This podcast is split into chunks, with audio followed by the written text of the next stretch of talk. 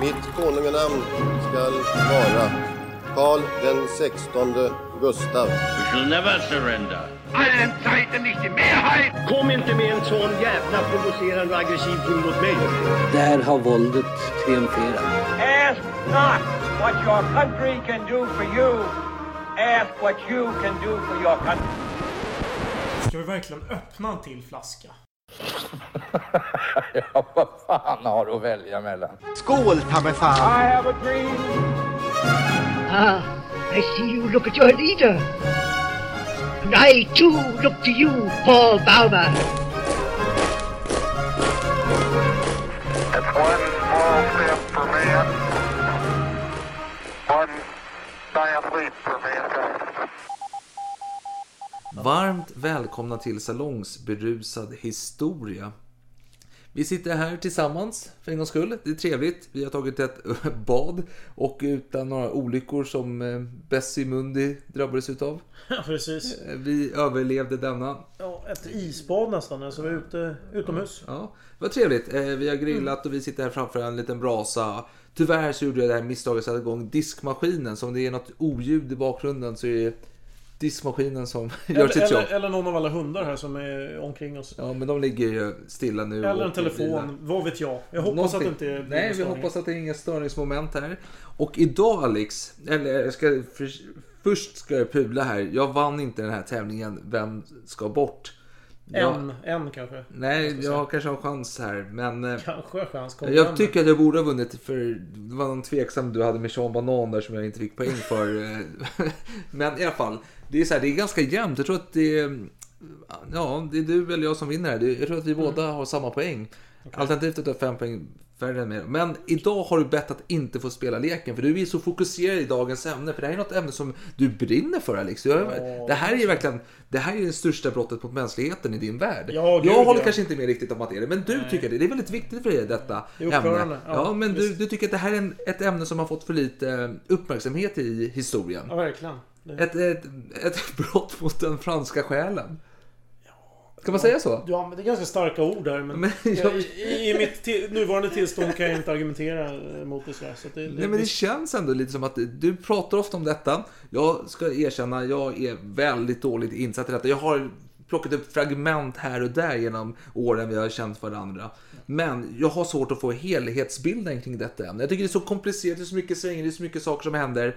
Så jag hoppas att du här kan förklara så att jag förstår varför detta hemska skedde. Ja, ja, jo visst. Nu, nu, nu håsar du här väldigt mycket att, jag- att jag ofta tar upp det här. Det, Ja, men- det, det ska vi väl Jo, jo men alltså, det, finns ju, det finns ju en karaktär här som nämns lite titt som tätt. En liten zombie så att säga. Ja, ja, ja, ja. Gud, Jo, som eh, du brukar skämta om. Men som är en detalj i sammanhanget. Absolut, absolut. Vi ska ju prata om eh, Haiti eh, och Frankrikes situation där. Det är mycket som händer på Haiti under den här tiden. Eh, Alltså vid tiden för um, självständigheten. Då. Ja, Eh, och precis. det var ju länge sedan. Precis, Men jag- vet ju att oftast pratar, när man pratar om revolutionen på Haiti så, så Mm. det, är, det är mycket 1780, 90, tidigt 1800-tal man pratar om. Ja. Men det är ett år man sällan pratar så mycket om, helt enkelt. Och det är det här året du brinner extra mycket för. Man skulle kunna tro att du har en tatuering på ryggen Nej, där det står sluta nu. 1804 Haiti. För vad var det som skedde på Haiti 1804 liksom? Någonting som borde ha nämnts i Olof Palmes jultal där om Hanoi. Men eh, ja, eh, vi ska väl komma till det tänker jag. Eh, Men vi har väl en del annat att avhandla innan. Ytterligare ett namn du vill tillfoga till raden utav de här hemska brotten mot mänskligheten. Ja. Och det är då den stora massakern på Haiti 1804 vi ska prata om. Vi ska, fransmän. På fransmän. ja, fransmännen föll offer då. Etnisk rensning av fransmän kan man säga. Ja.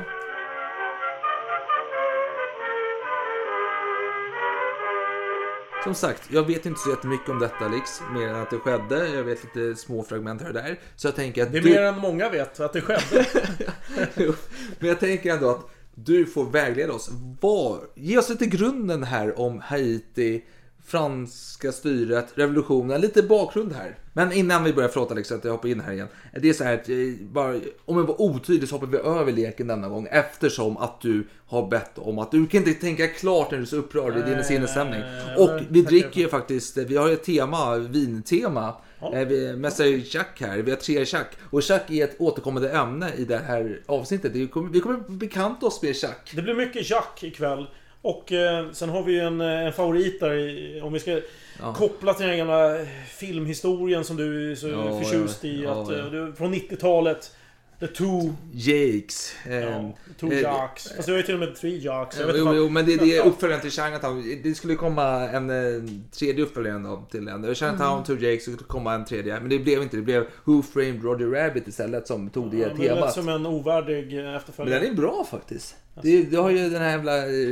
Vad fan heter han? Det känns ju som den här, Ja, den men det är här han- basket-skiten. Space Jam. Ja, Men den är ju också fin. Ja, ja, men, ja, jag kanske inte åldrats så väl. Men jag tänker i alla fall på eh, den här... eh, Vad fan heter ungen? Eller han som... Herman som röker cigarr i Who Framed Roger Rabbit. Den här som ser ut som ett barn som inte är ett barn som sitter i barnvagnen och röker cigarr. Fantastisk karaktär. Ja, men han baserar på Churchill kanske. Ja, han ser lite ut som Churchill. Det gör han ju.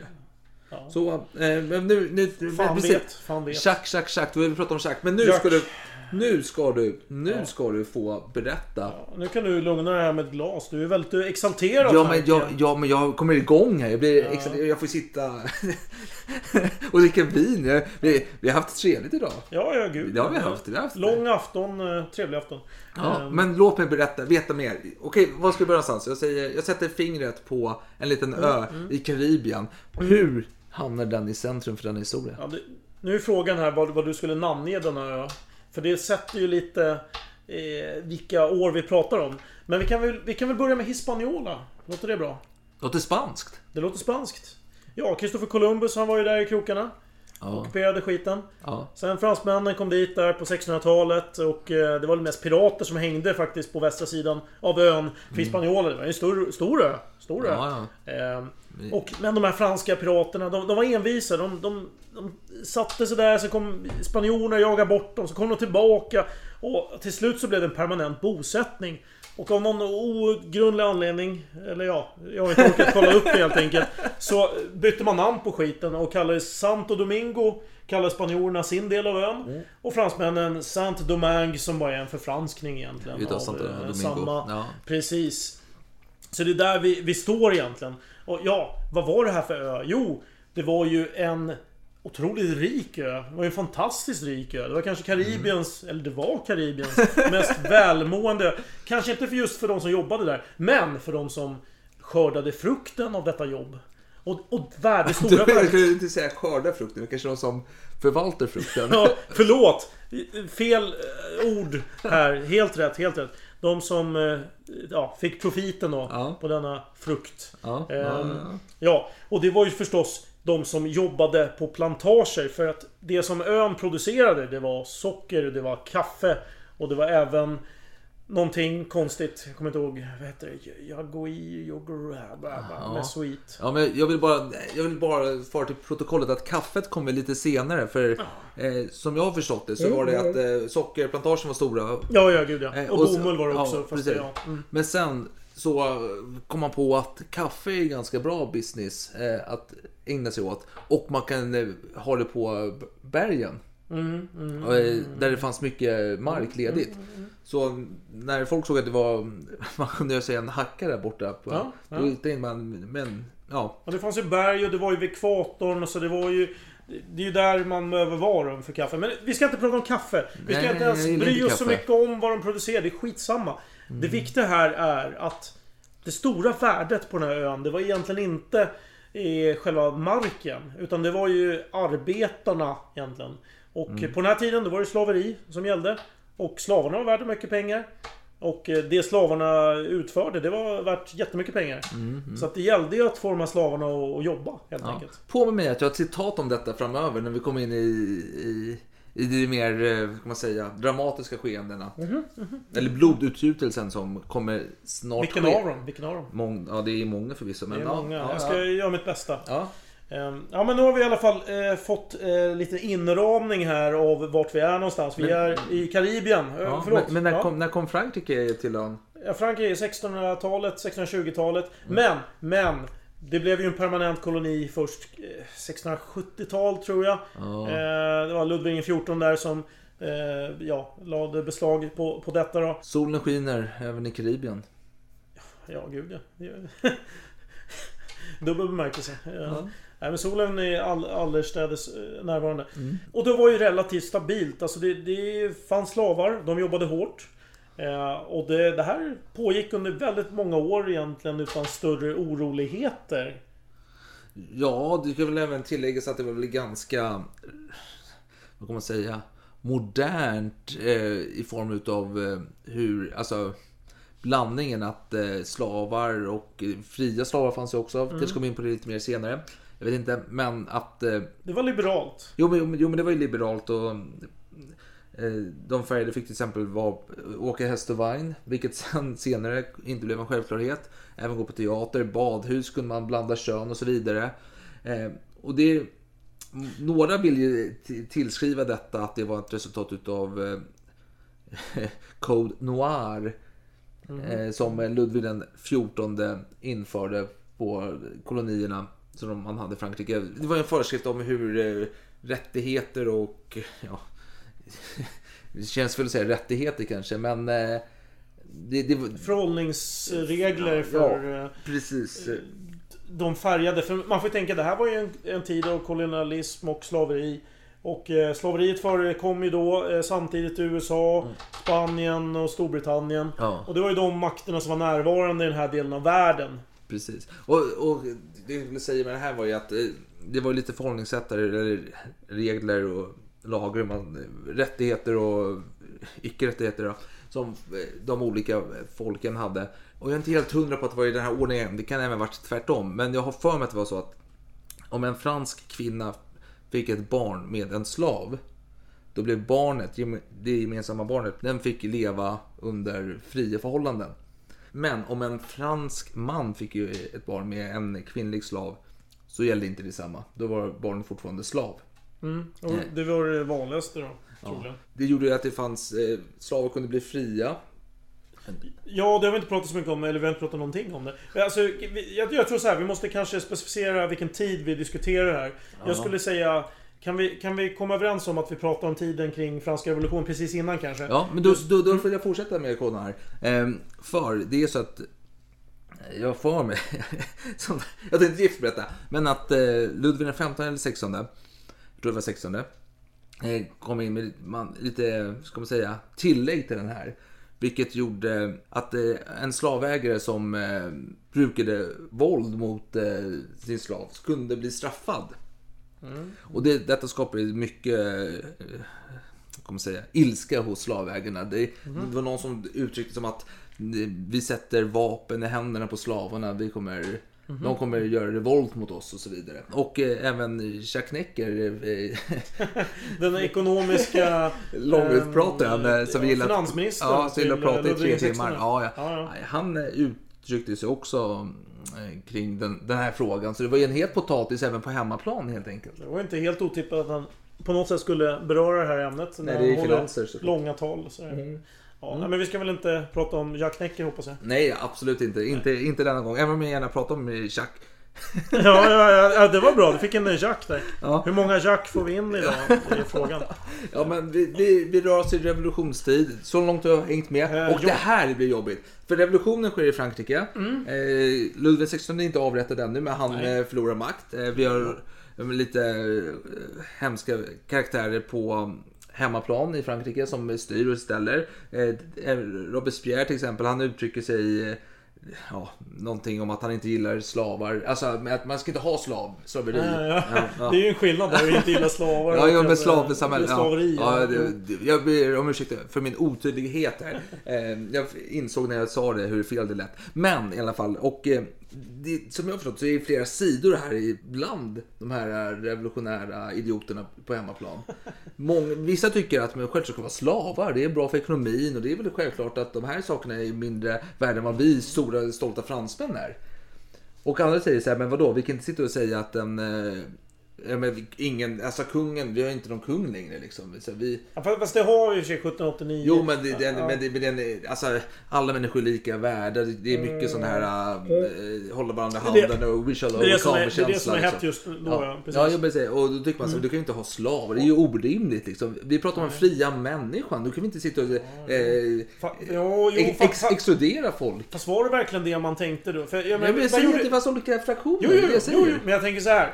Franska revolutionen gjorde man en deklaration om eh, människans eh, och eh, medborgarens rättigheter. Mm. Och det var ju någonting som spreds eh, med, som löpeld liksom. Till kolonierna, till... eh, Till, eh, ja vad heter det, Saint-Domingue. Jo, men, men jo, absolut. Och men det tolkades olika, det är det som är Jo, poängen här. jo Att- jo men vad fan, att- det- ja men vad fan, Ja, vad i. Frankrike, de tänker på slavar. Österrike, Österrike sket ju den där i saken. Alla andra länder med en fin monarki sket i de där revolutionära Jo, jo, åsikterna. men, men, jo men, men, men kolonierna till det här landet Frankrike, de Ja. kan ju inte skita i det. Nej, ju- nej, nej, och det, det skapar ju den här effekten att eh, slavägarna de tänker vad fan händer där borta? Det här kommer en massa är revolutionärer som ska... Och, och, och, och bara för att ge lite mer bakgrund här.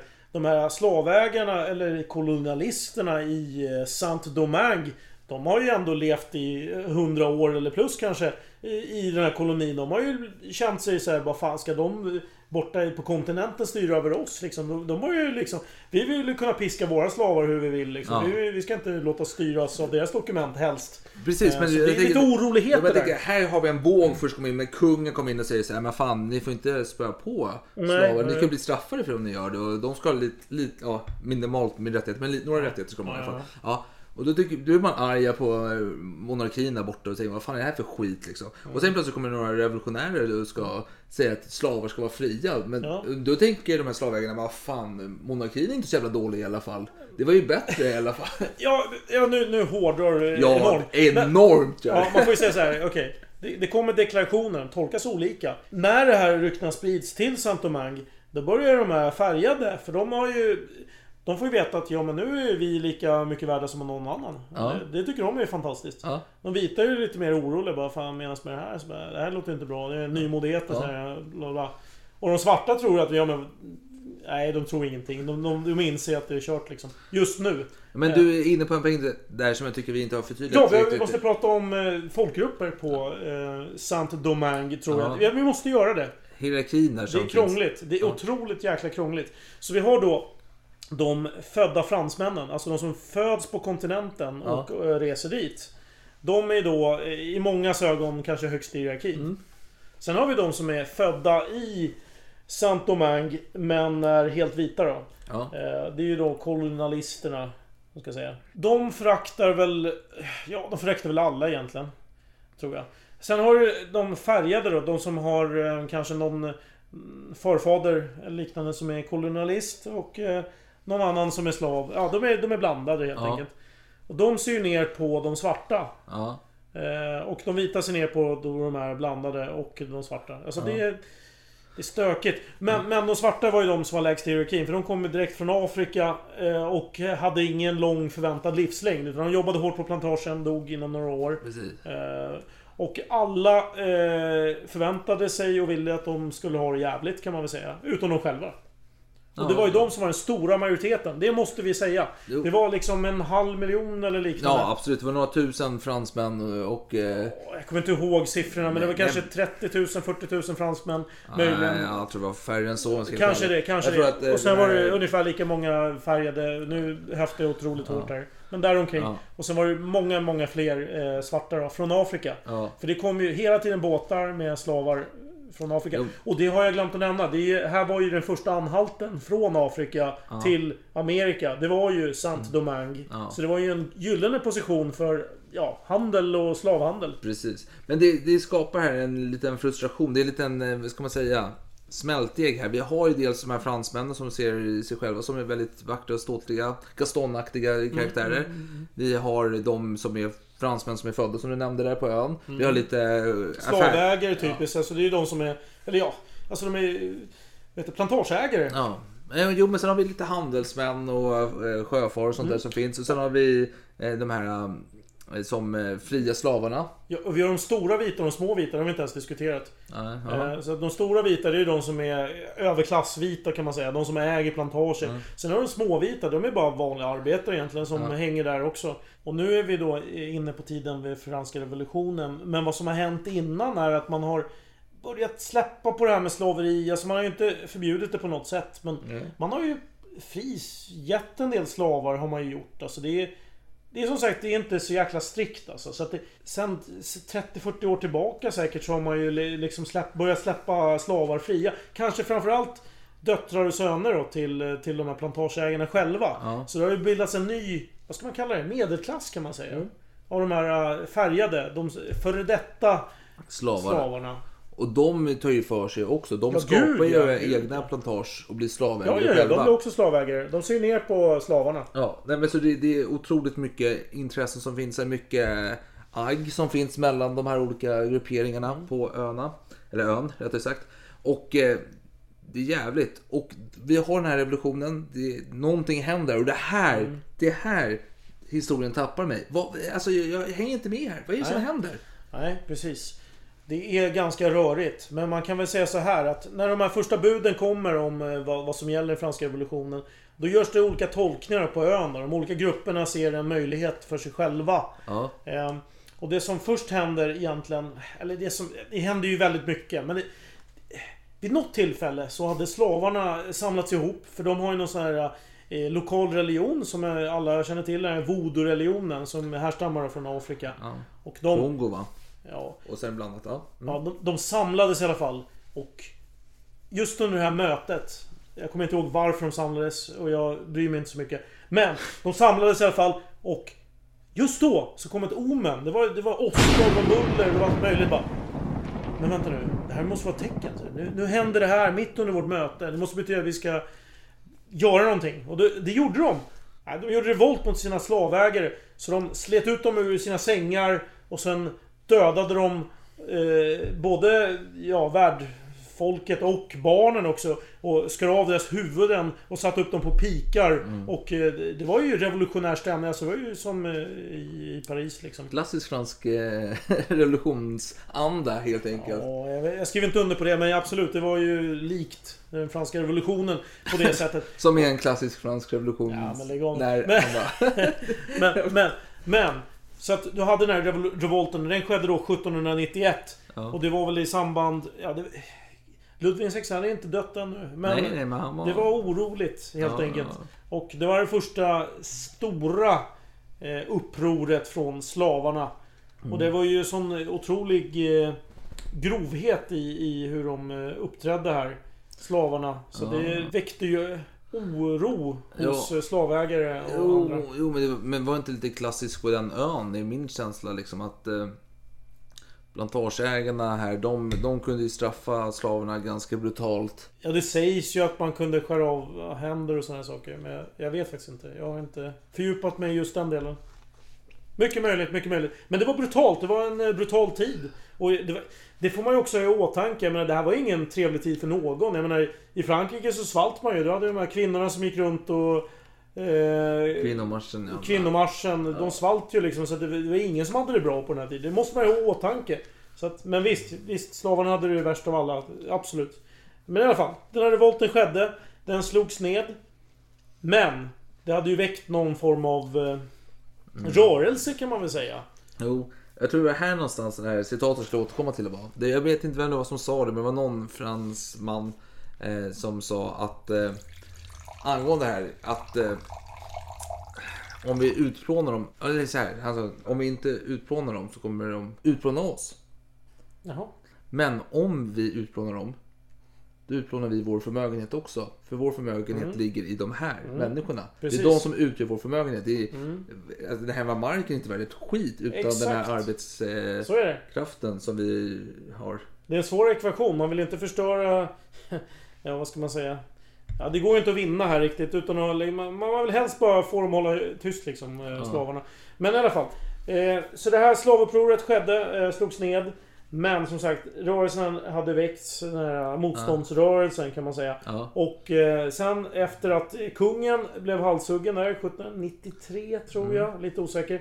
ehm, Det var ju ytterligare en... Är osäker. Hur är man säker på det här jävla avsnittet? Det- Okej, men det eh, ja, det skapade såklart också reaktioner. Ehm, Och eh, då, det är då en av de här förgrundsgestalterna då gör inträde kan man väl säga.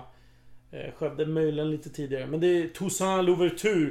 Det är han som är då eh, eftervärldens stora hjälte här för Haiti. Att det är han som eh, skapade självständigheten. Men det är ju inte sant faktiskt. Utan, men visst, han var väl eh, förgrundsgestalten. Det kan man ju definitivt säga. Jo, sen ska vi tilläggas att eh, han var ju inte... Nej, Alltså, nej, men vi ska först presentera honom innan Ja, du ja. förklarar alla eh, detaljer där. Ja, ja. Mm. Så Toussaint Louverture, han var ju för detta slav. Eh, hade fötts på eh, i Afrika av en eh, kung där. En fran- eh, inte fransk, en afrikansk kung. Västafrikansk kung. Och hans andra fru vill jag minnas. Eh, I alla fall. Eh, hade köpts då av någon fransk aristokrat. Eh, på den här ön, Saint-Domingue. Och hade blivit frigiven där på 1770-talet vill jag minnas att det var. Okej. Eh, och han deltog i den här första slavrevolten. Men bytte sen sida. Så han på något sätt profiterade han på det här. Jag är lite osäker för han bytte sida flera gånger. Och jag vill minnas att eh, mellan 17... Jag tror 1792 eller 1793 till 1798 då höll britterna på att försöka ta över den här kolonin. Och då slogs faktiskt denna Toussaint Louverture för, på Frankrikes sida. Ja. Som en general. Eh, och eh, ja, lyckades eh, få bort dem helt enkelt, britterna. Men var det inte han som eh, även kom för att försvara sin gamla... Eh? Slavägare. Ja, precis. Att när revolten var så åkte han dit till eh, gården, eller plantaget, för att skydda... Eh, Ja, det sägs det. Det här känns ju som väldigt knapphändiga uppgifter, så jag vet inte exakt vad hans syfte var. Men vad jag förstått så gjorde han det. Han åkte tillbaka och, och räddade då sin gamla slavägare. Och det finns ju eh, en del fakta som tyder på att det är rimligt att han gjorde det. Ja. För, för om, man tänker, om man bara ser utifrån så tänker man bara slavägaren. Han måste ju hata honom liksom. Det måste Ja, vara fruktansvärt liksom. Men i, i själva verket så den här Toussaint Han hade ett ganska bra liv för att vara slav. Han hade inte de här tuffa jobben med att eh, hugga sockerbetor så mycket. Utan det var ju snarare att han var hästskötare till den här slavägaren. Ja. Och han fick eh, utbildning, han kunde lära sig läsa och skriva och sådär. Ja. Så han fick ett eh, bra eh, Ja. relativt sett. Det var ju mer än de flesta fick i, på kontinenten. De fick ju ingen mat på, för dagen liksom. Det fick han. Men visst, han var ju inte fri. Det var han inte. Förrän på 1770-talet.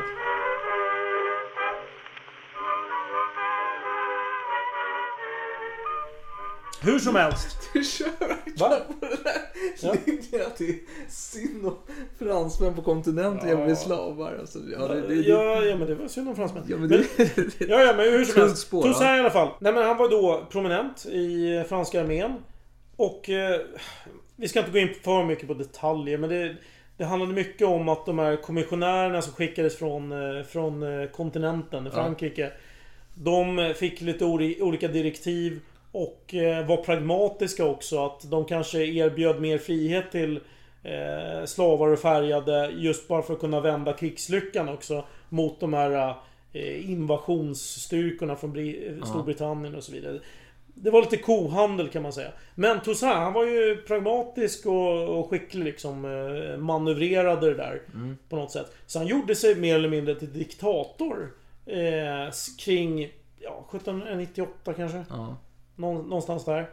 Och eh, det var ju svårt för han, han bar ju fortfarande fransk uniform. Men han behövde ju konsolidera sin makt här så han ville ju ändå... Eh, det skulle inte bli en chock för någon som kommer med fartyg från Frankrike och eh, eh, se, se honom som en fiende. För då skulle han ju få sig en massa soldater emot sig. Så att eh, han skrev ju då eh, ned någon slags eh, deklaration som man skrev väldigt förmildrande omständigheter. och, Eh, mer eller mindre att han eh, gjort landet självständigt. Men inte, ändå inte. alltså, han, han skapade en jäkla... eh, Vad fan ska man kalla det? Han deklarerade på något sätt att det här är det som gäller från och med nu. Men han förmildrade det så pass mycket så att han hoppades att man i Frankrike inte skulle bry sig så mycket om det. Och vid den här tiden hade Napoleon då kommit till makten.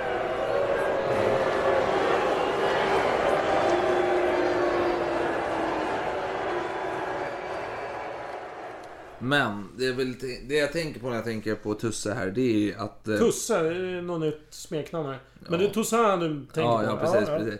Ja, det är liksom eh, när man har en sån här faktaruta kring honom, när man Mm, hör eh, andra människor prata.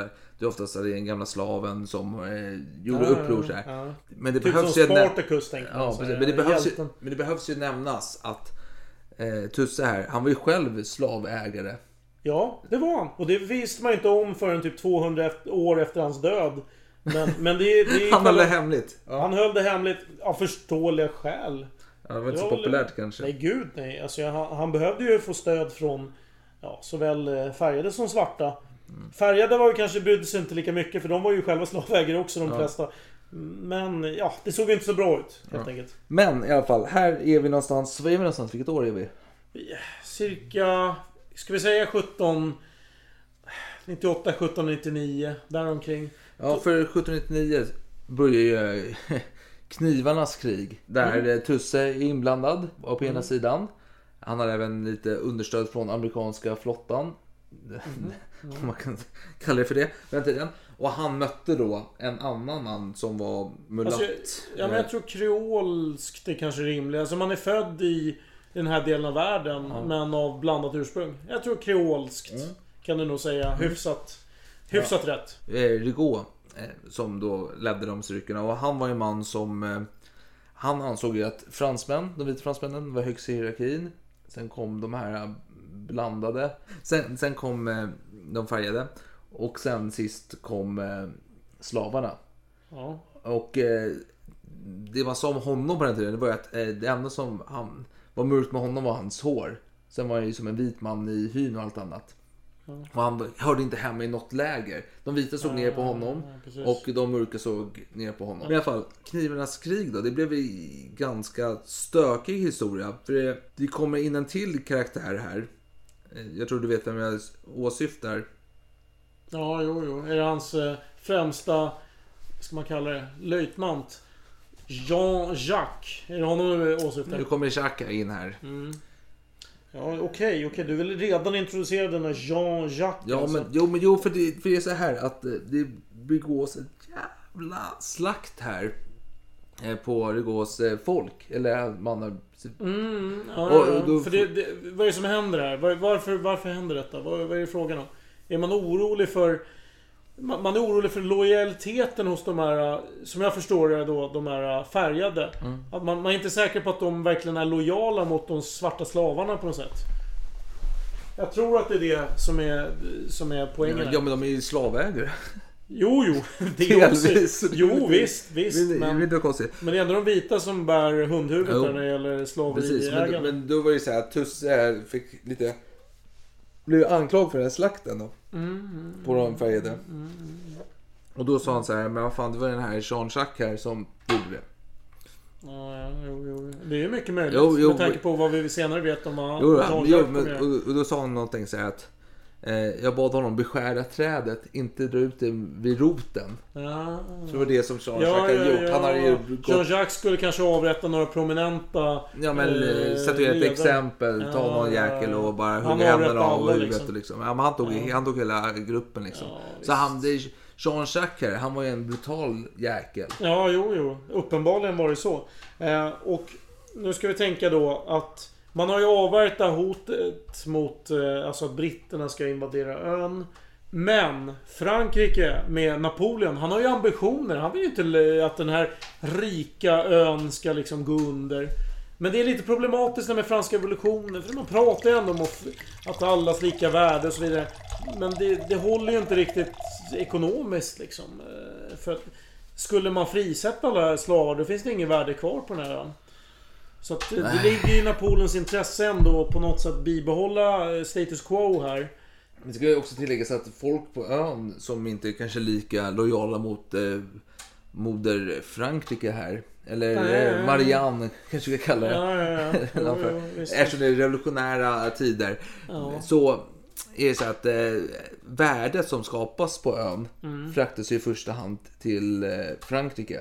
Ja, jo, det får man väl säga. De andra ser att det finns ju ganska bra affärer att göra med spanjorer, britter, amerikanerna. Mm, precis, precis. Men eh, Frankrike vill ju inte det. Nej. Det är ekonomiskt eh, oförsvarbart då, liksom, när du har de här tillgångarna. Ja, ja visst. Så är det. Bara för att få en känsla av stämningen så, så var det en fransk författare som skrev att eh, de vita i Saint-Domingue sover vid foten av Vesuvius. Eh, poetisk eh, referens då till att det här det kan snart bli... Det, det, det Ett är som om- utbrott väntar här. Liksom. Ja men Det exakt. ja. Men Toussaint Louverture När han väl själv fick kontroll över ön, vilket han fick.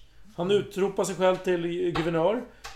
Då insåg ju han att ekonomin låg ju i att folk jobbar. Så han kan ju inte frige folk sådär. Nej. Eh, Men visst, han kan lätta lite på deras arbetsbörda. De kan få ta några timmar extra liksom vila. Och eh, ja, de, de behöver ju inte kallas slavar. De kan ju... De blir bara tvångsarbetare liksom. Och får väl lite pengar, lite... Alltså minimalt, men någonting får de. Och de måste fortfarande vara knutna till plantagen och så vidare. Så det var egentligen inte gigantisk förändring under honom. Men när Napoleon fick reda på det här att eh, Toussaint hade deklarerat det här, det han deklarerade. De här nya reglerna helt enkelt som gäller för ön. Då, då tänker jag bara, vad är det för jävel som liksom försöker sätta sig emot mig? Så han skickade direkt eh, stora styrkor då. Eh, en stor flotta. Jag kommer inte ihåg hur många det var. 20-30 tusen man. Det var en jävla massa människor i alla fall. Men man ska tänka så här. Det var inte helt riskfritt som vit person att åka till den här delen av Karibien. För det fanns en fruktansvärd fara här. Och det är inte slavarna jag talar om. Utan det är snarare någonting som kallas för den svarta spyan. Nämligen Eh, Gula febern. Korrekt! Gula febern. Ja men det var väl fan farligt för alla höll på att säga det. det var, Jo, det var, men det jag var tror ändå att den inhemska befolkningen på något sätt var lite mer immun. Alltså, det, det, det är min känsla. Jag kan ha fullständigt fel om det. fan, Men de, de har säkert fått mindre mängder när de var barn eller någonting. Jag vet, jag vet inte. Det känns som att om man bor i de trakterna så är man Jo, väl jo, men jag tänker att gula, härdad. gula febern i vår tid, det, det är väl mest... Eh, den är väl mest utspridd i Afrika, där det dör x antal tusen per Jo, år. visst, jo, Så, så. jag, jag vet inte, jag är dåligt insatt i gula jag är ingen- febern. Jag är ingen, eh, vad heter det? Epidemiolog. Det, det är så många andra som är det så att jag tänkte att jag ska inte bli det. ja. Ja, okej, men eh, okej, så Napoleon kommer här med... Eh, Skickar massa trupper här. För Ja. jo, man måste tänka så här. Vid den här tiden, nu, nu hoppar vi fram här till 1801 ungefär. Ja, jag för, att, för att då är ju kriget med britterna är över, ja, tillfälligt. Det finns en, Ja. en eh, lite, liten tidsfrist här att man kan avsätta lite trupper i kolonierna. Nu ska man ju fan återerövra lite grann här och ta det lite, ja, Ja. ha lite bra trupper liksom. Eh, Det finns inget fullt krig i Europa. nej. Eh, Så därför behöver han inte snåla med trupperna lika mycket. Så han skickar de här soldaterna. Och det är väl förmodligen max vad han kan avvara egentligen om man ska vara ärlig. Men det var ju en värdefull koloni. Det måste vi ha i åtanke. Ja, Så de kommer i alla fall. Skitmånga dör i Gula febern och så vidare. Men man, man besegrar ju den Toussaint Louverture. Gör man ju. precis, för han, han eh, hamnar i fångenskap va? Ja, ja. Gud ja, han blir... eh, Ja, det blir någon slags oheligt avtal där. Jag tror att han blev lurad på något sätt. Ja. Eh, ja, det är inte så intressant kanske. Men i alla fall. Han blir i fångenskap, skickas till Frankrike. Där han dör. Ja, i fängelse senare. Det, han dör ju inte direkt. Nej, Så- nej, såklart han inte Men, gjorde. men så småningom. Ja. Det sägs att det var kallt och jävligt i fängelset. Det vet jag ingenting om. Det är mycket möjligt. Det är mycket möjligt. Men Allt är väl relativt tänker jag. Ja, allt är relativt. Det är inte som eh, slottet Tre Kronor. Nej. Du menar som brann ner? Eller vad menar du? Alex! Va? Jag har ju en stor fransk eh, filosof. Ja, ja, ja, ja, ja, du menar... Som, eh, eh, ja, ja, ja, eh, Descartes. Ja. René Descartes som eh, dog där. Jag trodde... Den, Jag, Tre Kronor, jag tänker på branden. eller? jag, trodde du tänkte på serien. Där Lasse Holm skrev musiken till för övrigt. Ja, Jävla Gud, nej, prata om. Tre Kronor. TV4. Men fan vad jävla många referenser. Hörru du, Adam, jag är för fan inte helt nykter. Du kan inte förvänta dig att jag ska göra såna här kopplingar. Nej, vi tar en liten paus här känner jag.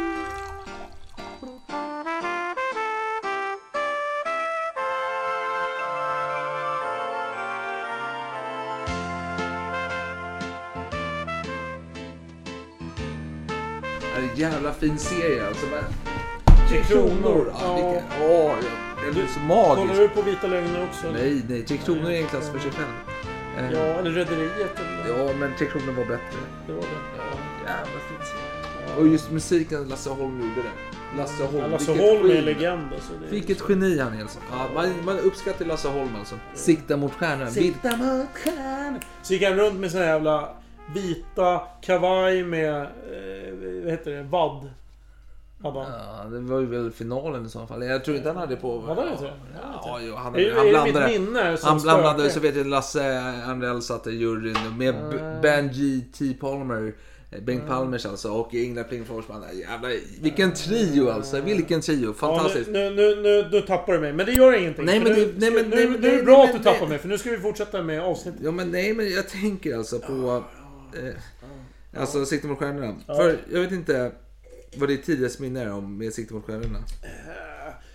Alltså inga skarpa minnen, men jag minns att de gick genom en portal, alla stjärnor liksom. Ja. Och så gick de och det var den här introlåten liksom. Ja. Och... eh, Nej men jag, jag minns att han hade vit kavaj hela tiden. Jag kan ha minns fel. Jo men det hade han nog gång. Alltså, Men jag minns i- när han Ulrik gjorde John Farnham, gjorde Ja. Voice. Eh, Ulrik som, eh, tror jag jobbade i ett skolkök faktiskt. Eh, Mhm, Otroligt, otroligt roligt program. Det var ju verkligen underhållning när man var liten. Men skitsamma, vi ska inte prata med Sikte mot stjärnorna. Jag har släppt detta, jag har gått vidare i mitt liv. Jag har släppt det i förflutna. Jag, har gått, jag, jag är en modern man. Så jag tänker, Jaha. vad Tusse har dött här. Eh, Ja, det har jag Ja, gjort. jo, men- det har jag gjort. Det har jag gjort. Det har jag gjort. Ja men Ja. då fattar du inte. Vad är det som händer efter det? Jo, så här är det. Så här är det. Tusse... Tusse hade ju arvtagare. Han hade ju lärjungar. Han hade några generaler under sig när han höll på att vara upprorisk Ja, och jävlig. Jean-Jacques. Ja, Jean-Jacques. Var ju hans stora lärjunge här. Och, och Jean-Jacques, han insåg att fan, min läromästare, han är inte så jävla populär bland slavarna för att det, det, här, det här nya styret, det var ju, det var ju typ mer eller mindre samma som innan. Så att det... Ja, men det så bara fan... Och, och, och då, men, men samtidigt bara, men jag gillar ju ändå det som han gjorde. Jag menar... Han var ju smart, alltså han var ju smart. Toussaint var ju... Han var ju en businessman. Han gjorde ju allting rätt från... Eh, eh, ja, Jean-Jacques perspektiv. Ja. Så att Jean-Jacques apade egentligen efter honom. Han gjorde precis samma som Toussaint gjorde. Fast han var ju mer brutal då. Ja. För, för det här, ja, här har jag lite fragment som är i min värld. Och det är då att britterna är inblandade. Det är någon blockad här mot eh, ön. Som man för. Och eh, eh, Jean-Jacques han kör ett eh, anfall mot de franska eh, hålorna här på ön. Och den innebär att man ska blockera infarten. Ja, ja, ja, ja, men nu ska jag... Ja, precis. Ja, men det, det är bra att du säger... Så här. Eh, först och främst måste vi ju tänka att... Eh, Toussaint är besegrad. Fransmännen har återigen kontroll på ön. Men fransmännen dör ju som flugor av den här gula febern. Britterna dog också som gula, eh, flugor av gula febern när de kom. Det var en stor förlustaffär att försöka ta den här ön. Det, det är ett jävla... Det är den vita mannens död kan man väl säga. Ja, del två. Eller del ett, jag vet inte. Ja, Och precis. det andra är Afrika del två. Ja, och fransmännen... Ja, bara, bara, för, Ja. eh, för de som inte hänger med där, Vitmannens död, det är ju då malarian i Afrika när man åkte dit och man Mm. eh, dog. Och då- därför gin och tonic kom där i Kina i... Nej, Chinin ja, Ja, precis. Ja, ja, man blandade det med gin då, eh, för att få, det blev tonic Ja, water det var ju kinin tonic, och vidare. tonicvatten som var medicinen men man ville ha lite sprit i för att det ska vara trevligare. Ja, det precis. Och då kom gin och tonic. Ja, ja, det är en lång historia. Men i alla fall. Men, Minst sagt. Men jo, fransmännen de hade ju då... Dels så hade de ju eh, Napoleons svåger. Eh, Charles Leclerc var ju då eh, en Inte tidig... Jacques Duclair. Inte Jacques, nej nej nej. Charles eh, vill jag minnas. Och Ja, ja. han var ju han var där och eh, härjade lite grann. Han dog ju av gula febern. Intressant nog. Och... Eller av skam att han var Napoleons det släkting. Det får stå för dig. Men i alla fall.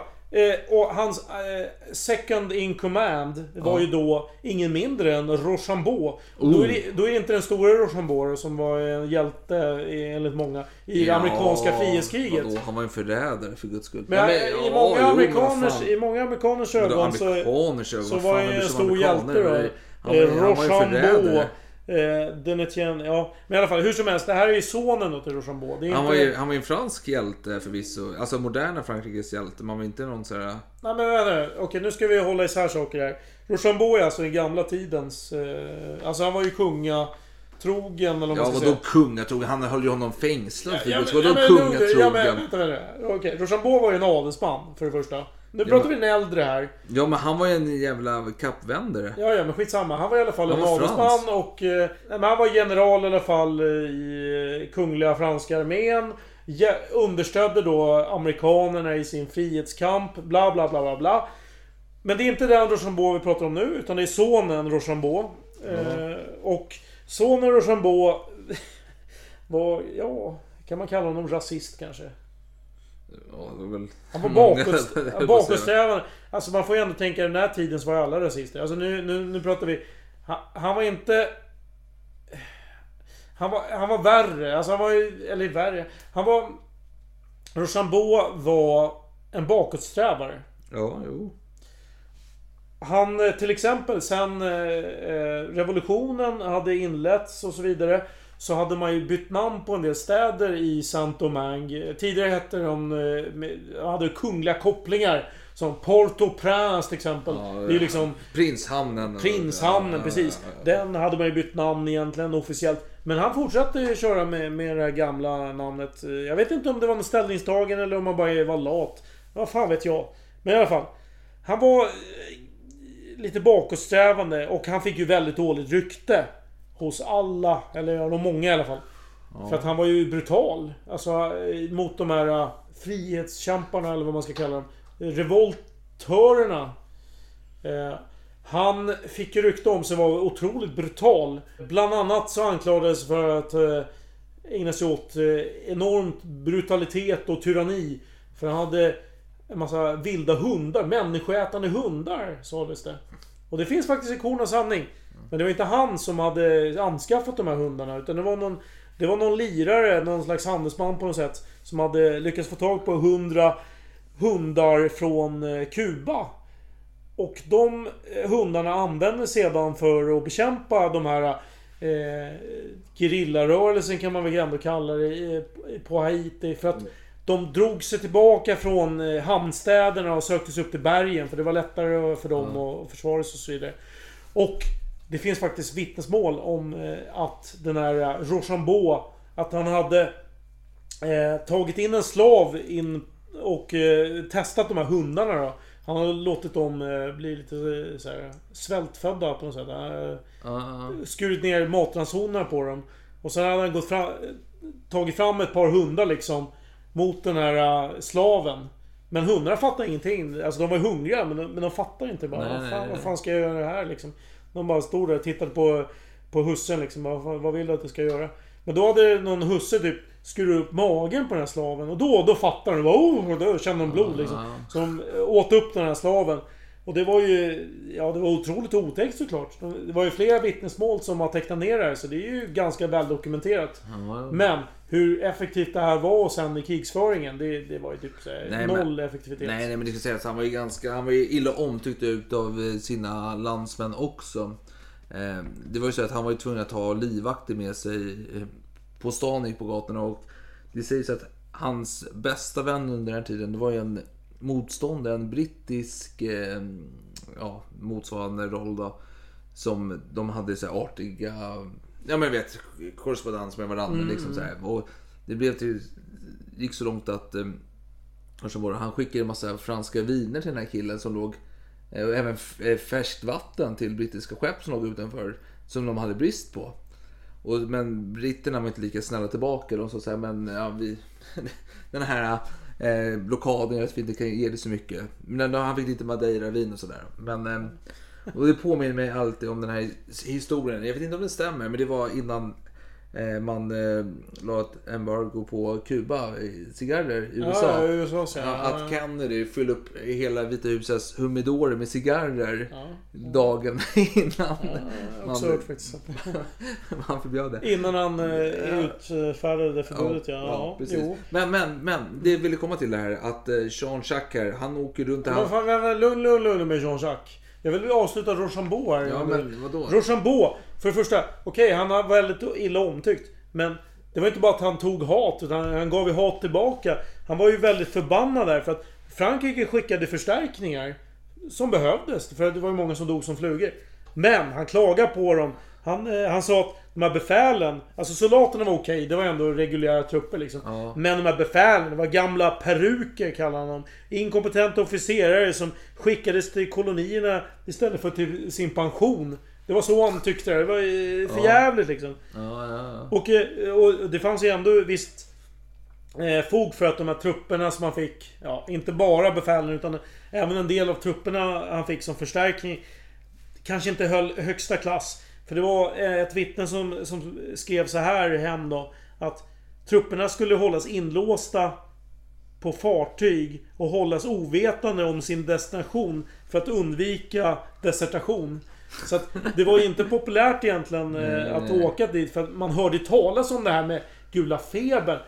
För, först lät det väldigt charmigt bara, fan ska jag åka till Karibien? Till Karibien? Ja, det låter det ju är jättetrevligt. turkost vatten, Ja, vi kan få befordra för en massa pengar. Fantastiskt. Det är fantastiskt. Ända tills man... Tills eh, sjömännen kommer tillbaka och berättar att alla dog i gula febern. Då, då börjar man skita mygg- på sig istället plötsligt. Tills man får ett myggstick där. Då är, då är det kört. Då är det kört. Men nu får du jättegärna berätta. Ja, nej, jag, jag vill prata lite mer om eh, här, alltså Jean-Jacques, hur han, eh, hans metoder här för att eh, ta över de här franska eh, fästningarna. Det är att man blockerar införsel av livsmedel till hålorna. Det finns stad på Jeremy. Ja, jo, jo, det kan nog vara Jeremy. Eh, Som hade en... eh, Som ett Alltså- förnamn för övrigt. Ja, Men, ja, men som hade någon ledare som hette Louis Darbois. Som var tydligen var en jävla eh, grov kille. Alltså Chabot-klass alltså på. Han var brutal, han var väldigt eh, hänsynslös mot... Han var en Jean-Jacques helt enkelt. Ja, jo, det kan man också säga. Men han hade, han hade skott sig på invånarnas tillgång och så vidare. Och han var, ryktades vara väldigt feg eftersom att han flydde fältet här när han blev inringad utav Jean-Jacques då. För det, helt plötsligt så började det sina med matflödet och då tänker den här Louis att nej, jag drar. Så han gick ut till sjöss, skulle bege sig ifrån, blev tillfångatagen och skulle bli skickad till Jamaica. Men då tänkte han att han skulle mörda kaptenen på det här skeppet som skulle ta honom till Jamaica. Men han misslyckades och kom till Jamaica och dog i fångenskap då. Och Jamaica var då brittiskt eh, på den här tiden, ska tilläggas. Men eh, vi kan nämna att den här metoden eh, Jean-Jacques använde sig av, den lyckades väldigt bra. Man blockerade vägarna, eh, eh, floder som gick genom städerna kunde Ja. man blockera och så här. Och, och vilka... Om vi bara ska... Vilka år pratar vi nu om egentligen? 1803. 1803, ja, ja, ja. Då börjar ju faktiskt Frankrike tappa greppet där. Ja, ja. Precis, Jean-Jacques börjar bli mästare. Motvilligt säger du det. Men i alla fall. Mm. Jo, Och det blev så långt att i vissa städer så fick invånarna, de fick ju helt plötsligt eh, gå och knapra eh, sockerrör och sånt där skit liksom. Mm. Och det var ju ovärdigt för det var ju det var ju- ju sånt slavar höll på med. Det var inte så att de här vita stolta fransmännen satt och knaprade sockerrör liksom dag ut och dag in. Nej, för att fan- överleva. Fransmännen började ge upp i det här laget va? Det var väl att eh, soldaterna började evakuera ön till och med. Ja. Det kan man väl säga. Jo precis, och ett tag så eh, ville man inte liksom. Man, man eh, höll dumdristigt emot och tänkte men vi stannar kvar här. Men sen så... Ja, vänta nu, soldaterna evakuerade. De insåg att det här är svårt att liksom... Nej men, nej men det var så många, de man dog ju som flugor och Jo, det var jo. starkt motstånd. Jo, men- Plus att eh, Napoleon hade förnyat krig mot britterna och Ja, så så vidare. han skickar inte så Så det kom inga folk. förstärkningar. Alltså många fattar ju vinkeln liksom. Nu, nu Ja. börjar det bli kört. Så att eh, Rochambeau började ge upp då. Alltså Rochambeau var ju brutal. Men han insåg att fan, det här, det här, det här är kört liksom. Så att han började förhandla med den här Jean-Jacques. Ja. Och eh, Jean-Jacques lovade ju guld och gröna skogar liksom. Bara, ja, jo, Eller stugor. Ja, det också kanske. Men, men så här, ja det... Okej, om det finns skadade soldater eller sjuka. För det var ju många som var sjuka. Ja. Så bara, men det är lugnt så här, vi, vi skickar dem tillbaka till er. Så här, det, det behöver inte oroa er liksom. Det, vi ska åka hand på det här liksom. Det blir, det blir skitbra. Eh, och då, ja, franska soldaterna evakuerar ön. Ja. Men nu kommer vi till den här historien här Alex. Nu kommer vi till själva klimaxet här. Mm. Det är så här, vi 1803 är slut, vi är 1804. Ja. Fransmännen har eh, evakuerat eh, med soldater och så Ja, här. soldaterna evakuerat. Nu är det lite folk kvar på ön. Ja, eh, gud fransmän, det kan ju eh, vara sådana födda på ön som är Ja, vita. men och, även eh, ja. vanliga folk som inte tänker att men jag kan stanna. Många, många eh, hyser ju avsky mot eh, Frankrike som var fransmän. De tyckte att men det här är korrupta jävla svin. jag, jag, jag trivs bättre med de här rebellerna där borta. De är sköna lirare liksom. Tusse så här, Och det var inte och bara fransmän, man ska... Åh gud, jag vet inte hur vi ska gå in på allt det här men... Det var ju polacker också. De Ja. kom ju via... Jo, med, med franska armén. De var ju mer eller mindre vasaller till Frankrike under revolutions... Jo, men jag vet inte om, om krigen. det var Tusse eller om var Jean-Jacques som kallade dem eh, polackerna för att, eh, vad var det han sa? Eh, Europas... eh, Europas negrer, Ja, vita ja. negrer någonting kallade han dem för. varit ja. Eh, De hade ju en särskild status. De, man kan väl säga att det var väl ingen som hatade polackerna. Kan man säga det? Ja, jag tror nog det. Ja, De kommer undan. ja, men, men de, de, de, de, de, de, Det var med- ingens fiende egentligen. Nej, men de, de var väl... Ja. De hade ett horn i sidan på fransmännen. Mm. kommer ni få se här alldeles strax. För nu händer det hela.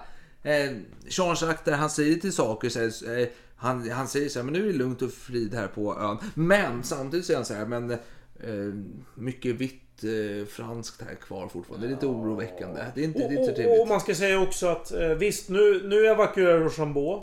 Men Jean-Jacques, han är ju jävligt paranoid va? Ja. Han tror ju inte på ett skit på det här. Han vet ju hur det har varit tidigare. Fransmännen skickar förstärkningar hela jävla tiden. Han är, han är ju beredd på det. Ja. Så att han börjar ju militarisera ön. Han börjar ju rekrytera mer, fler och fler soldater. Som, eh, Och börjar bygga en massa fort och allt möjligt. Och han börjar ju... Ja, han börjar ju befästa sin makt här. Han, till exempel så tar han ju för detta slavägare, vita då. Får dem att bygga de här forten åt honom till exempel. Fan, jag gillar ändå att du gör lite såhär Bengt Frithiofsson, att du stampar i i marken när du ska betona någonting. Förutom att Bengt Frithiofsson, du vet det gamla vin... Eh, Han som var fyllerist Ja, ja i precis. TV4. Han betonar ju alltid fel ord. Jaha, ja. Gör jag också det? Nej, nej, du gjorde i och för sig ganska logiskt att du stampade Ja, det så. Men eh, framför att du säger så här. Det var en skrämmande historia. Du, Då betonar man ju skrämmande historia. Han skulle bli... eh, Skrämmande betona- historia! Nej, ja, men det var skrämmande historia. Att det, det var hans specialitet liksom. Alltid skön, felaktig betoning på orden. Men i alla fall, mm. eh, tack, för den eh, insikten Alex. Men nu sker det. det. Det är några tusen eh, fransmän kvar på ön. Ja. Det är några polacker kvar också förvisso. Kan, ja. Ehm. Tusentals. Ja, några alltså britter. fransmän kanske minst, minst... Vi säger minst 5000. Så vad är det som händer nu? Vad, för nu kommer en Ja. zombie resa sig från de döda. Ja, ja, ska vi börja med... Ja, jo visst. Okej, man kan säga så här. Eh, Jean-Jacques, han blir mer och mer eh, paranoid. Han är livrädd för att eh, Napoleon ska skicka en massa trupper. Han går runt där, oroar sig jävligt mycket. Och samtidigt, hans trupper, fan de har ingenting att göra. De går bara runt och de, de, de är aggressiva. De är vana vid att hugga med machetes i sockerrör. Ja. Nu står de bara där helt... De, de, snart kommer de hugga på Jean-Jacques. Vad ska han göra? Vad ska han göra? Jo! Han, han börjar hitta en fiende här. Han börjar, han börjar orera. Han börjar eh, tänka som Jo men ni vet den där Rochambeau. Fan, han var ganska hemsk va. Han ägnade sig åt en massa eh, fruktansvärda saker. Fan det här måste vi ju utreda. och sen orkar han ju inte utreda för det, var, det gick ju inte. Alltså, det, Vem det var ju hopplöst. Men ah, han har kanske hittat någon vittne som sa någonting. Det- De kunde inte peka ut någon enskild Nej men, individ. nej, nej, men det måste man ändå uppskatta Sverige, att vi alltid har tid för utredningar. Vi, Mm, ja. vi orkar alltid genomföra en utredning. Ja, jo, det finns visst. alltid en jäkel men- avdankad Ja, ja, såhär, ja. politiker och sådär, eh, högt upp, såhär, som orkar med att göra en utredning. Nej, men utre- alltså i teorin är det en bra grej. Men sen man skiter ju i resultatet. Eller man tystar ner om det inte Lämpar sig. ens, Nej, du kommer i låda där. Men i alla fall, en utredning skedde inte, man skyller på allihopa. Vem Ja, utreder, men man, utreder, man, grupp, ja. man skyller på hela gruppen. Man säger nej men fan de här vita de är inte så jävla bra. Så fan, kolla vad de gjorde här. Fan Rochambeau, Leclerc. Ja, jo, jo men det är så här Alex. Jag tror att vi måste nyansera det lite. Ja. De vita är alla hemska förvisso, men... För de är fransmän. Men det är så här att Rochambeau är en, en individ. Mm. Men så länge det finns en vit person här så kan det födas en ny Rochambeau. En ny individ. Ja, men lugn nu. Nu går du händelserna i förväg här. Först och främst så Jean-Jacques Dessalines, han började hålla tal. Han började ju liksom argumentera för sin sak. För han fick lite motstånd. Alla var ju inte riktigt på hans hårda linje här. Att det var okej att massutrota vita. För det var ju lite det han eh, syftade på här. Men han- började med att hetsa mot franskfödda. Det var de värsta. De här franskfödda, de är vidriga, de är De måste utrotas för att vi ska känna en riktig frihet. Så här. Annars får vi massa hemska minnen från hur det var när vi blev piskade och så vidare. Han höll på att köra på den linjen liksom. Men! Många som inte var franskfödda men ändå bara Fan, det där är ganska hård ton liksom. Där. Fan, han kanske menar mig med. Fan vet jag. Alltså, han är ju lite, han är lite generaliserande va. Är det verkligen... Han, han, han åker inte ens bemöda sig om att utreda enskilda individer. Utan han skyller alla vita på Ja. det här. Det känns inte helt okej. för att Nej. om man kan skylla på alla vita då kanske han skyller på mig med liksom. Ja, alla färger, det är plötsligt sen också. Ja, det är ju senare för sig. Men ja, jo. Men det väcktes en del oro där. Men eh, Jean-Jacques. Alltså han, han kände att tiden var mogen. Efter några veckor av propaganda eh, där han höll på och Ja. argumentera för sin sak. Att Ja. vita var fruktansvärda och hemska och så vidare och så vidare. Då utfärdade han orden till sina löjtnanter Mm. om att nu ska ni utrota de vita. Eller ja, nej franskfödda. Förlåt. Franskfödda, franskfödda. Jo, nej men och det var så att han minns ju i knivarnas eh, krig att det var lite, när man ska utrota folk så det är alltid lite, det är samma sak som SS råkade ut för att, eh, att skjuta judar och sånt där. Det, det tar ju lite på folk. Alltså alla är inte så jävla eh, roliga att sätta en kula i huvudet på folk. Alltså många tycker det är lite osmakligt. Och då tycker jag Jean-Jacques här, att vad fan, det här måste ju ske. Och hur gör man det då? Jo, han måste ju dit personligen. Han måste ju se att det verkligen sker. Han har ju utfärdat order. Han ska peppa folket. Han ska peppa. Han, han har ju peppat innan ja. Han ska har, peppa folket att peppra. ja, han, ja, det kan man säga. Men, ja, alltså, och helt rätt då får man säga utifrån hans perspektiv så kollar han att det verkligen sker. Alltså det är ju ändå... Berömma, alltså i ett väldigt snävt kontext är det berömmansvärt för många och jag inte följer inte upp. De bara...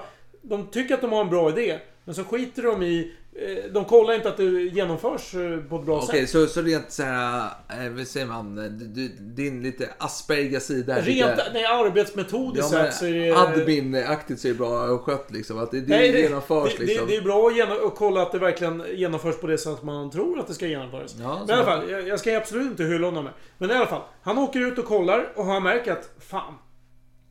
De verkar inte gilla... De verkar inte vara lika rasistiska som jag är liksom. De verkar inte vilja utrota alla vita eller så här. Fan, det är motstånd här. Det här var inte så jävla bra. Eh, och han förlitade sig på de här löjtnanternas trupper att de skulle genomföra avrättningen. Ja. De hade ju bara kanske avrättat någon enskild liksom. Ja, Men när han väl kom dit, då satte han press på dem. Och efter mycket om och men så, så blev det till slut avrättningar av de här Jo, vita. men det, det, var ju avrättningar i en förmildrande Ja, gud, ja. Ja, ja, ja. eh, beskrivning. Alltså, det är tortyr, Ja. det är avrättningar. Kvinnorna våldtogs, fick se deras män bli eh, avrättade.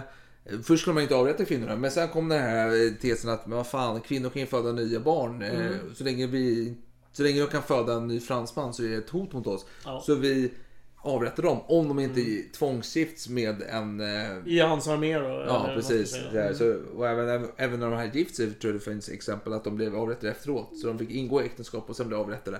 Någon sån här konstig makaber eh, dans om jag har Men- förstått men- det. Men Jag- jag, jag, jag ska bara gå in lite på djupet här med... Jag var alldeles... Du har helt rätt i att jag var väldigt kortfattad där med avrättningar. Det stämmer ju inte förstås. Utan det han gjorde var ju att man, man samlade in alla vita egentligen på torget. Ja. Typiskt. Nu ger jag ett typexempel. Man samlade in allihop. Började dela upp dem i olika grupper. Det här var ju väldigt likt faktiskt hur Nazityskland gjorde. Ja. Man eh, frågar liksom, ja vad har du för yrke? Ja men jag är skomakare. Okej, men vad fan, behöver skomakare? Ja, kanske det. Du ställer, du ställer där borta. Och sen du, okej du håller på med det här och du håller på med det där. Och sen kom man fram till att, ja men den här gruppen människor, de är värdelösa, de ska vi avrätta. Ja. Då gjorde man det. Vissa avrättade man på plats, kanske i gatan.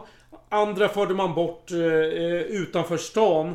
Och man dödade dem med bajonett. Man ville inte använda skjutvapen för det skulle höras. Nej. Och det skulle skrämma bort eh, massa människor. Så man försökte ju göra det här...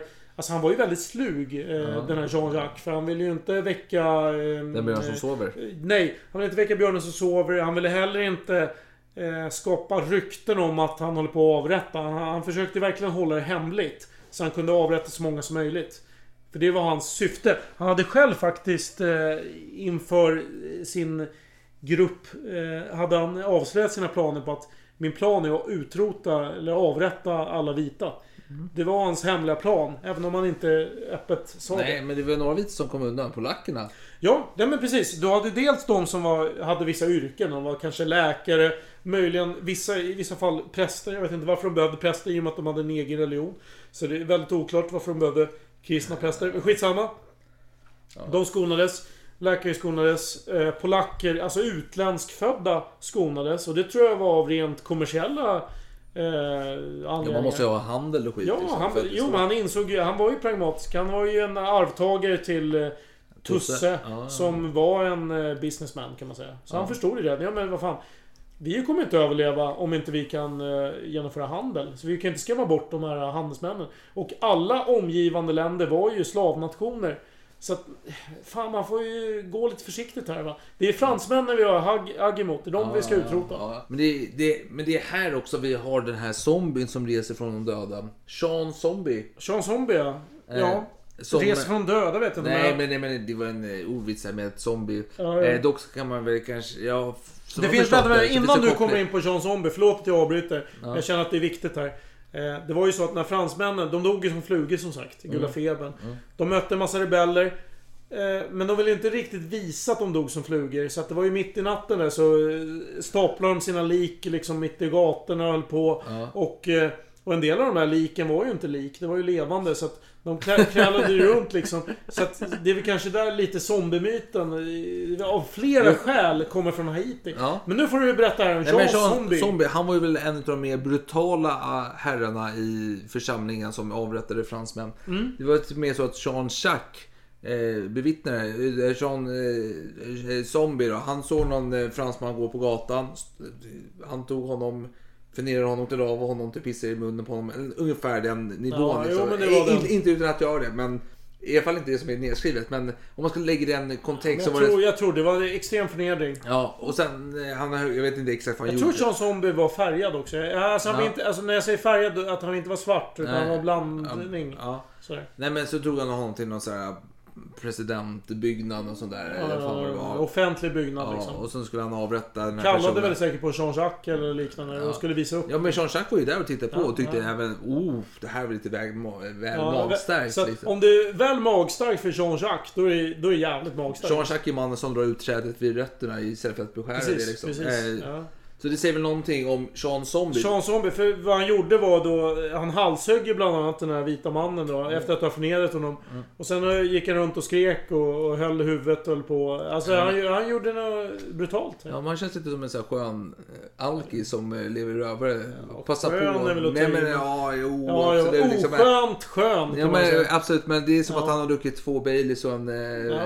vodka Det är Explorer förmildrande liksom. omständigheter i sammanhanget. Ja, Ja, absolut. fan om det, men...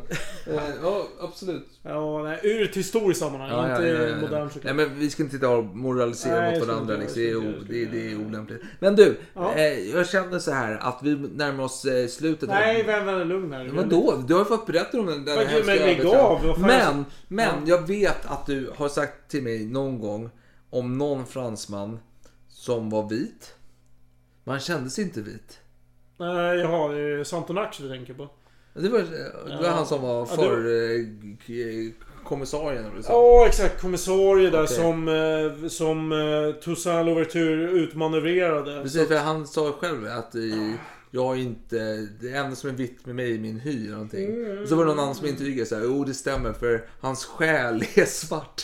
Ja, ja, ja, ja. Men du, innan du... Jag, jag ser att du vill avsluta, men jag vill bara komma in på det här med... eh, För att avsluta avsnittet på ett bra sätt så måste vi komma till den egentliga eh, självständigheten. Den skedde ju inte under Louverture, utan den skedde ju under Jean-Jacques. Och Jean-Jacques, han skulle hitta en... eh, Någon som skulle skriva ett schysst liksom deklaration, en sån här Independence Declaration. Ja. Ja. Så han, han hittade någon och de skrev på väldigt juridiskt språk. Fan, han, men han är ju en brutal man. Han vill inte ha en sån skit. Han, Nej, han, eller ja, skit ska jag inte säga. han vill ha en bildbok helt enkelt. Ja men exakt, han vill inte ha en... Han vill inte ha text, han vill ha bilder. Och då var det någon snubbe som sa så här bara, ja, men Jag vill att det här testamentet ska skrivas på ett pergament av en vit mans hud. Och eh, eh, skrivdonet ska vara eh, ja, någonting i vite mannens... Fan vet jag. Huvud eller vadå? Ja, ja, ja, ja, ja. Eh. Ankare, vad heter det? Bläckkaret Bläck- ja. ska vara vite mannens huvud. Och bläcket ska vara hans blod. Och pennan ska vara en bajonett. Och det gillar Jean-Jacques. Han bara oh, den här killen, den här killen ska vi De ha. pratar samma språk. Ja, gud ja, det gjorde de. Och, han hette, Och tänk då att Zombie, Sean Zombie var för vild och brutal. För Ja, ja, ja. Men den här killen var helt normal liksom. Eh, Boiron har jag fått för mig att han heter, den här snubben.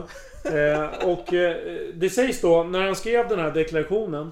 Då säger han själv, eh, ja, utifrån de källor jag har. Att han drack två koppar kaffe och tre shots rom. Och sen eh, kom han, orden till mig naturligt, tyckte han. Och han... Eh, man, man hittade honom dagen efter han låg däckad eh, sovandes på det här pergamentet. Eh, och det var den här självständighetsförklaringen. Så att det var, han hade då lyckats då med de här tre shotsen och det här eh, ka- kaffet då. Att eh, lyckas teckna ner detta. Eh, bara after... Jag tänker ändå vi måste liksom... eh, Ja, berätta samma. lite Vad hände efteråt? Ja. Alltså det går ju att fylla i en massa detaljer men vi skiter i det. Vi skiter i att de kallar sig för inkarmén, att de här, de här motståndsrörelsen försökte göra kopplingar till den gamla indogena gruppen som levde där som hette Tainos. Tror jag. Ja, ja. Taino, Taino någonting. Ja, ja. De, de dog ju 50 år efter att spanjorerna tog över. Skitsamma. Vem bryr de sig, kallas Alex? även för Solens sanna barn. Men vi skiter i det. Men Och vi solen... konstar- Men det, oh, här var en konflikt. Ja, ja. Solens sanna barn. Ja. Vad är fransmännen då? Ja, det är ju solens sanna barn. Under 1600-talet. Yes. Och, Ja, eh, det- och jag- jag- delar av jag ser- 17 jag ser- delar av 1700-talet. Här fick vi förklaringen till konflikten. Mm, De bråkar om ett namn helt Ja, enkelt. ja, Solens så sanna barn. Men i alla fall, vi har Jacques den första helt plötsligt kommer Ja, fram- ja, ja, ja, ja, ja, ja. Jean-Jacques utropar sig själv till kejsare. Kanske inte, kanske inte förvånad att han apar efter någon, det vill säga Napoleon i det här fallet. Revolutionen äter sina egna barn, det vet ju alla. De äter även Jean-Jacques. Jean-Jacques blir mördad av sin e sitt eget folk kort därpå. Ja, och det är synd att inte Napoleon också blev det. Tänker jag spontant. Det hade varit skönt. Ja, det får stå för dig. Ja, med glädje. Med glädje. Jag föraktar den här jävla mannen alltså. Det finns ingen värre människa. Men, men, Ja, äh, någon kanske, men det de Vi ska få. väl ändå summera. Jag jag vill bara avsluta lite grann med diplomatin. Han har precis massutrotat här en massa vita fransmän. Ska han komma undan med det? Ja. Ja, lite halvt så här. Alla, alla... eh, Jag menar, den här ön bygger på handel. Utan handel så skulle de dö ut. Och det förstod ju Toussaint Louverture. Det, förstod eh, Jean-Jacques Dessalines också. Så han var ju medveten i att han skonade just dem. Men många var ju skeptiska och eh, även amerikanerna hade ju embargon mot Haiti. De invaderade i själva verket Haiti, men det var ju långt senare, 1915. Det är en helt annan historia. Men... Det, Haiti... Ja... De, man kan väl säga att det gick långsamt ut för helt enkelt sen dess. De, de förlorade franskheten, de förlorade allt välstånd. ja. Eh, Och ja. idag kan vi säga att tänker man på Karibien så kanske inte Haiti är det främsta resemålet. Nej. Och du, med tanke på... det Med, Men de sitter ju ihop med Dominikanska republiken som kanske är mest turistade mest karibiska loteri. delen. Men, men Du, du... vilken annan del i Karibien är mer turistat än Saint Dominikanska? Barts kanske? Ja, nej men dock är det lite roligt. Det, finns, det här vet jag. Det finns en rolig historia om att eh, fransmän, eh, för att komma undan massakern. Ja, för Toussaint hade förbjudit att fransmännen skulle evakuera ön efter den här så kallade amnestin. Ja. Då, försökte, då, då fick ändå vita män, eller vita människor, lite kalla kårar ibland. För att det, bara, det, det lät som att han hetsade emot dem. De försökte fly landet. Berätta, berätta, berätta Ja, vad som hände. och då skaffar man ju, som man alltid gjort i tiden, falsk pass. Ja, eller ja, jag försökte med sina egna pass, men de kom inte Ja, ut. nej men då ska man falska För då pass. berättade ju Jean-Jacques män där att Hörru du, du får ju invänta ditt öde. Du får inte lämna ön. Och helt plötsligt, jag vet inte vem det var utav de här, eh, Jean-Jacques eller någon annan, som helt plötsligt började beklaga sig att det fanns så jävla många svenskar på ön helt plötsligt. Ja, ja. Det fanns tydligen någon Raoul Wallenberg där som gav ut massa svenska pass till, eh, Ja. till fransmän. Fantastiskt. Ja, det är för, förvånansvärt många fransmän som ändå överlevde den här massakern. Men jag säger Med- här, historien går i cirklar. Ja, det gör Det det. fanns en Raoul Wallenberg även på 1700, eller 1804. Det gjorde det. Vi eh, tackar för honom och... eh, Den, ja, båda, Wall, riktiga Wallenberg och den. Ja, gud ja. eh, ja, den, eh, ja. den Förtjänar båda varsin skål tycker jag. Ja, vet du vad? Jag säger att det är... Oh, 17 minusgrader ute. Vi ska ut med hundarna. Jag ska ut med hundarna. Eh, tack för att ni har lyssnat. Eh, på återhörande. Eh, ta hand om er så hörs vi framöver. Ja, skål för fan. Skål!